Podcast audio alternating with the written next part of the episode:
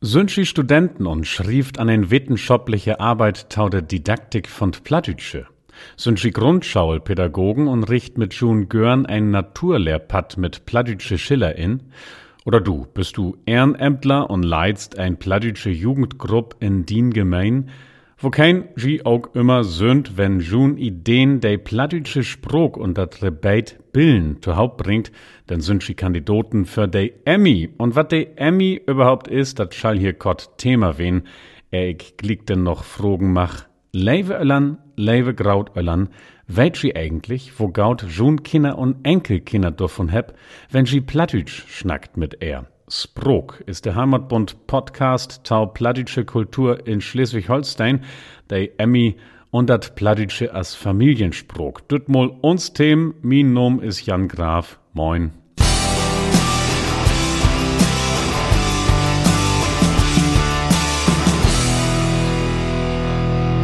Der Emmy für Plattdütsch in Schleswig-Holstein. Das ist ein Preis, der ward all zwei Jahr vergeben von den Schleswig-Holsteinischen Landdach. Da haupten mit das Ministerium für Billen, Wissenschaft und Kultur und mit uns, den Schleswig-Holsteinischen Heimatbund.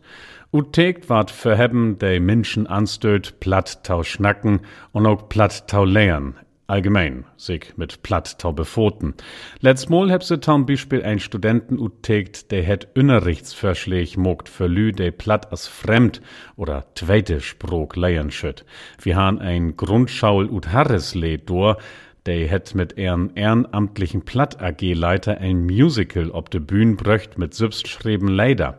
Auch han wie ein fantastische Fru ut Dittmarschen dor, der mit junge Lü wie er ut de Gegend Theater spielt und Medien ob de Bein stellt. Ich mach dat gar nicht so sägen, Mann, ich läuf, ich kann dat so sägen.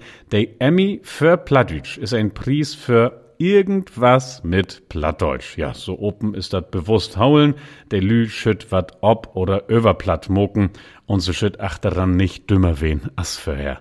Wir lest mal in dat Foldblatt, wat se taude Emmy Ruth geben heb. Präsentationsmedien können zum Beispiel PowerPoint-Folien, Videoclips, Fotos, Printmedien oder ähnliches sein, es soll verdeutlicht werden, welche plattdeutschen Sprecherkontakte und Sprechanlässe das Projekt geboten hat und wie diese das Erlernen und Anwenden der plattdeutschen Sprache gefördert haben. Die Projekte sollen von den Schülerinnen und Schülern, Studierenden und Vereinsmitgliedern selbst durchgeführt werden. Zitat Tau N, sau Tau lesen in den Flyer von den Schleswig-Holsteinischen Landdach, Tau de Emmy für Plattdeutsch in Schleswig-Holstein. Ich sag noch mal, jechens wat mit Plattdeutsch, so denn ich.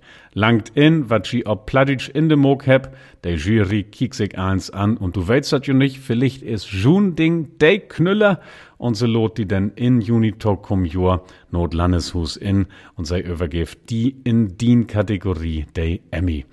Das sind altit heil scheune Veranstaltens und der Emmy an sich, das ist so ein sehr jung Fru ut Metall, kannst die als Priesträger ob Bird stellen. Geld kriegst du nicht, Mann, ich find, das ist auch nicht so wichtig. Ich glaub, wichtig ist, dass das sein wart, wat sau ent Land leist wart, an de Schaulen, in de Verein, wo du wollt, dat wie er doch worn daut. Uns Sprog, dat wichtigst Part von uns Kultur.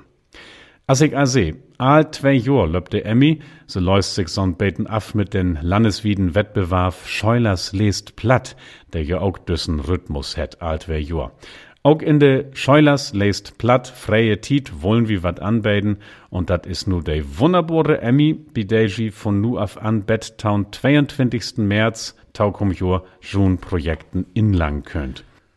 Mehr Informationen findet ihr in heimatbund.de durch unter den Punkt Sprache, Literatur möchte de Emmy säugen und dann find ich auch den offiziellen Flyer. Wo kein mitmogt, ich haul de Dooms.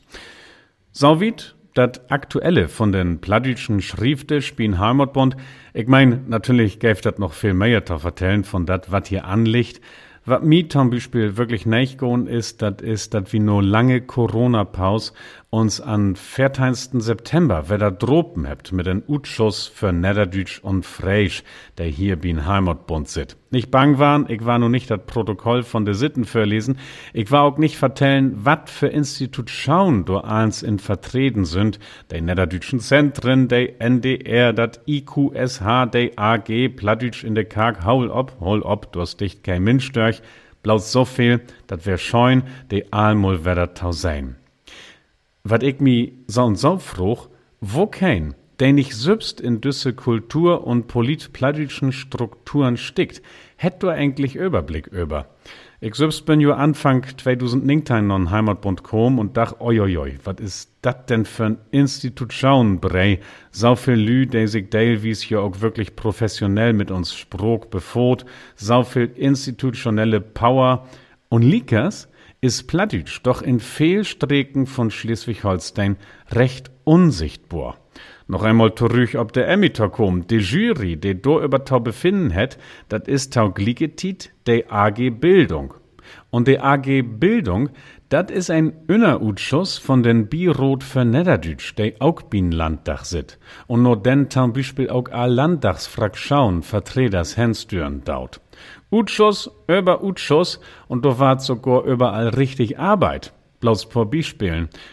Plattdütsch hätt in de verleden Jahren ein Obschwung nom in uns Schaulen. Sieht den Sommer giftet 42 plattdütsche Modellschaulen.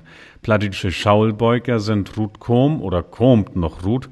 Köttens hätt die Landdach über Plattdütsch als Teil von de schleswig-holsteinische Identität debattiert.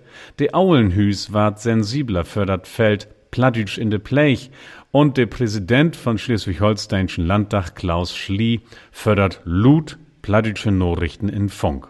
Eins Beispielen, dem einfach mal geben sind für Themen, über die kein Tagesschaubericht und über die auch Minova nicht schnackt, man für uns sprog, sondern Likas Schree und dem möt ja jichens wo vorbereit waren an Städten, nehmen sich Politik, Wissenschaft und Selschop bemeut.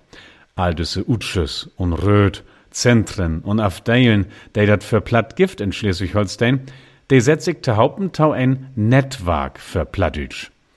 In dit Netzwerk trinkt wir auch gern mal ein Tass Kaffee und sind auch gaut bekannt miteinander. Man, ich froch mi, wo kein kennt uns. Der Tagesschau und Minova kennt uns auf jeden Fall nicht. Der kriegt mo mit, da finden Wettbewerb Scheulers lest Platt statt. Da gibt hat mol ein plattischen Gottesdienst. In Aulenhus ist nur ein Pläger, der hat ein Fortbilden für Platt in de Plech besöcht und der NDR sendt Hörmon beten Tau. Man se weit nicht, wo nehmen die Strukturen für all düsse plattischen Meuchlichkeiten von de Weich Bettnotgraf abstellt worden sind.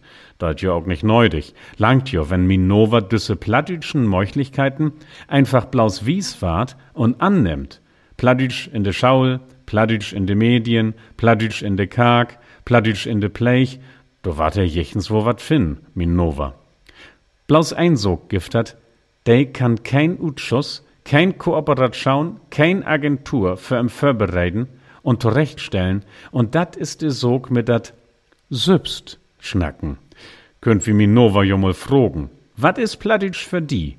Is dat ein Sprog, der du genützt, wenn de Speeldeel ein Schwank ob de Bühn bringt?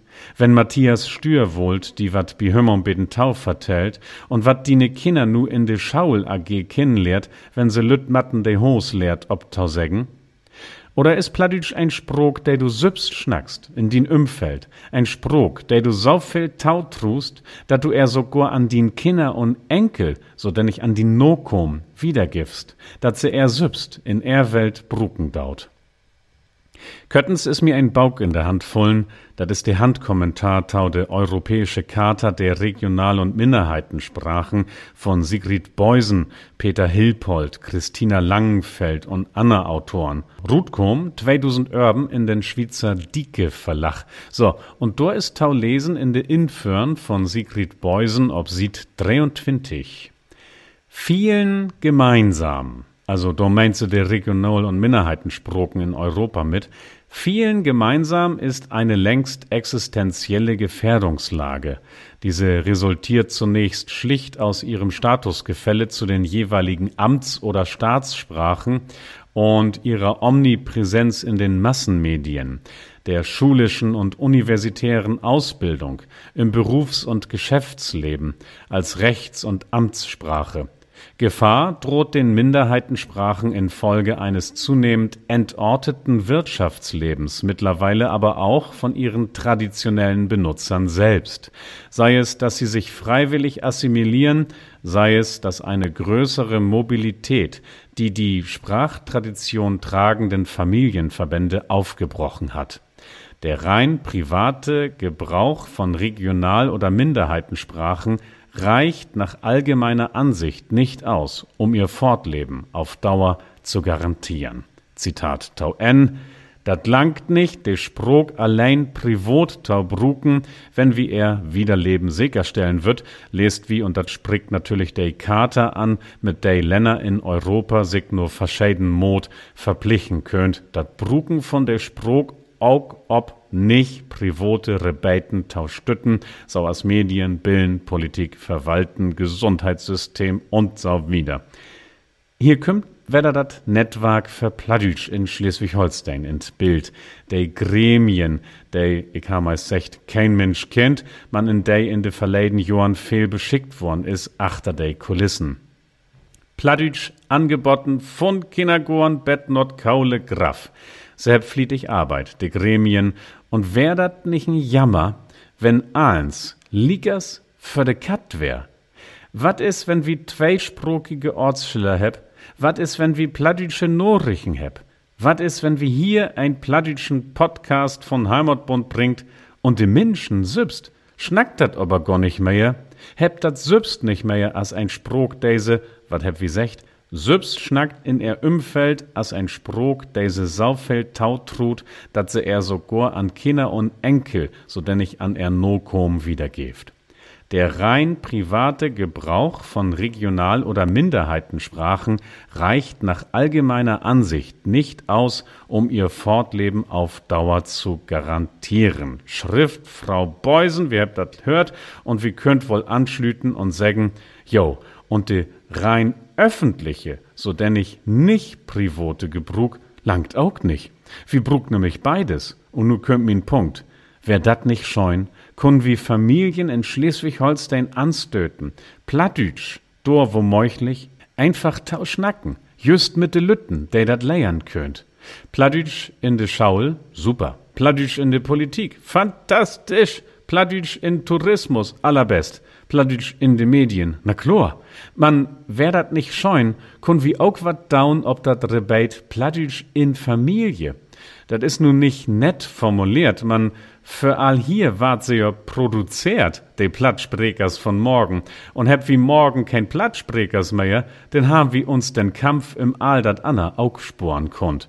Dat is so as mit den hauchdütschen Schnack von wegen Gesundheit ist nicht alles, aber ohne Gesundheit ist alles nix.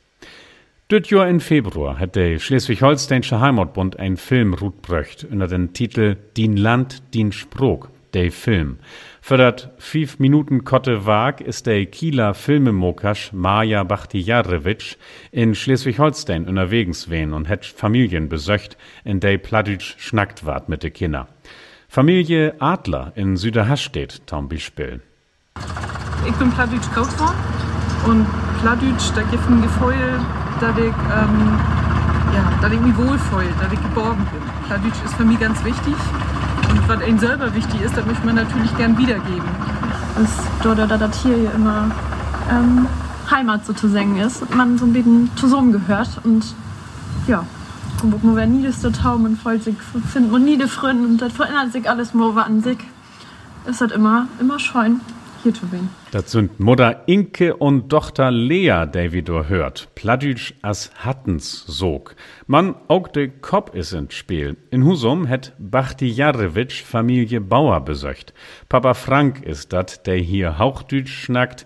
Man hei unterstützt, dat Mama Therese mit de Tochter Blaus platt schnackt. Also ich bin zwar Hochdeutsch aufgewachsen, aber Therese erzählt Stella Plattdeutsch und das finde ich einfach gut. Das ist für die Entwicklung klasse und auch dafür, dass sie später andere Sprachen noch ähm, schneller lernt. Zweisprachig obwassen und damit denn ein Chance haben, Lothar noch Anna Sproken lichter tauleiern.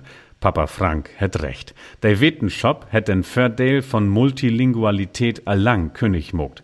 Dat is ein aulen Haut und schollen sich de verkehrten Verurteilen gegen dat meiersprokig obwassen sich nicht auch von doch noch saustief haulen, denn wär ein dat meist genierlich, doch noch immer wedder ob Hentau wiesen, wat zum Beispiel der Linguistin Professor Dr. Els Oxar all in den Ninktiger Jahr schreif. Zitat die Mehrsprachigkeit gibt dem Kinde eine nuanciertere Auffassung von der Welt und sie erleichtert den Erwerb von weiteren Sprachen.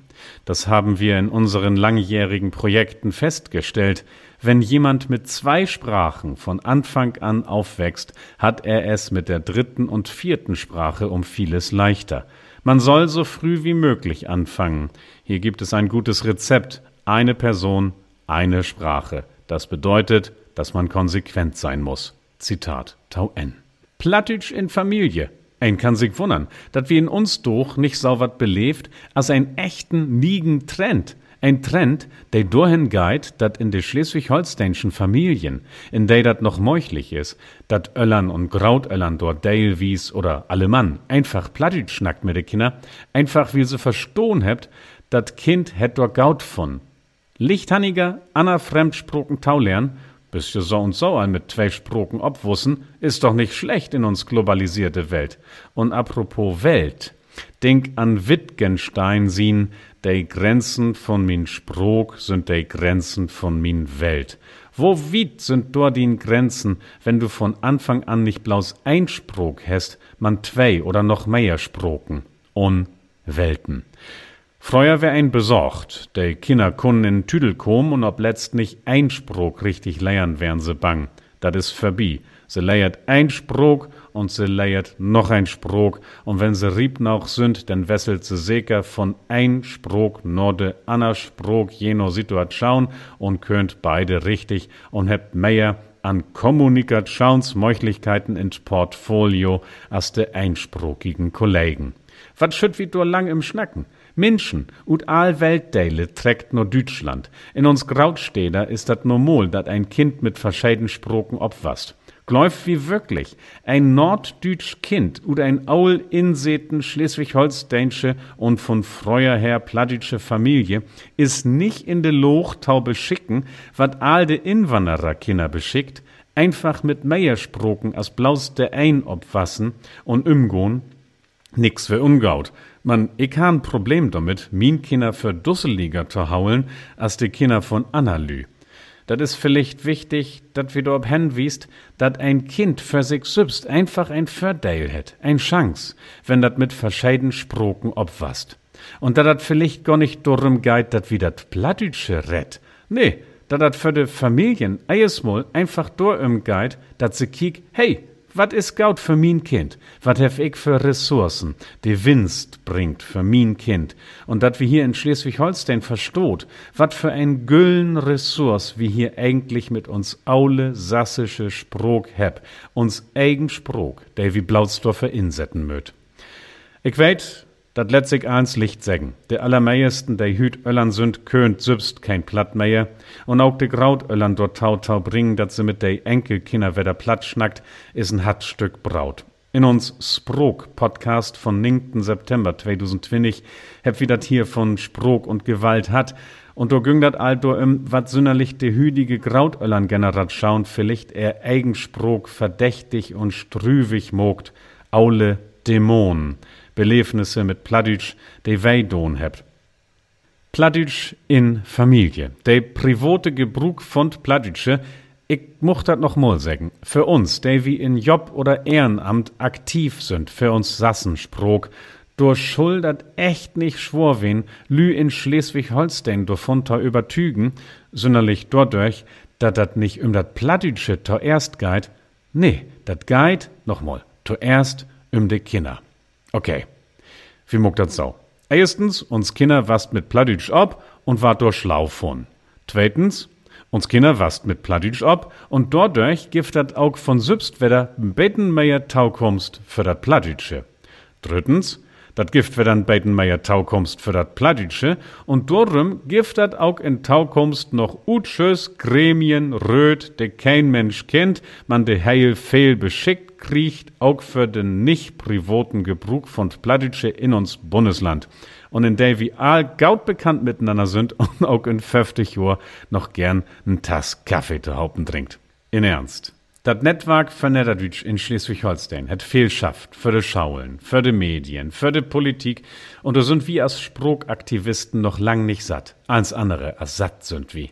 Und Likas, schuldig mi freuen, kann uns dat glücken, uns Sprog auch dortau noch dortau fördern, nehm se stiller is zwischen Schaularbeiten, Plünnen waschen, Thronen dreugen, Rosen meinen, Mittag eten, mit den Hund rut gohn. Plattitsch in Familie, ein Sprog, der richtig in Leben sit und nicht blauts in de Gardrauf, ob er n Obtritt täuft, bet de letzte Abonnent wegstorben is und dat Theater dicht mogt. Ich bin übertücht, du könnt wie n Bach mit Winn. Schrief mi gern wat ju dobi dünkt, bi dat Thema.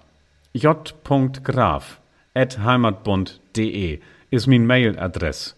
Dat wär Sprog, der Heimatbund Podcast tau plattische Kultur in Schleswig-Holstein, Utgof von 4. Oktober 2020.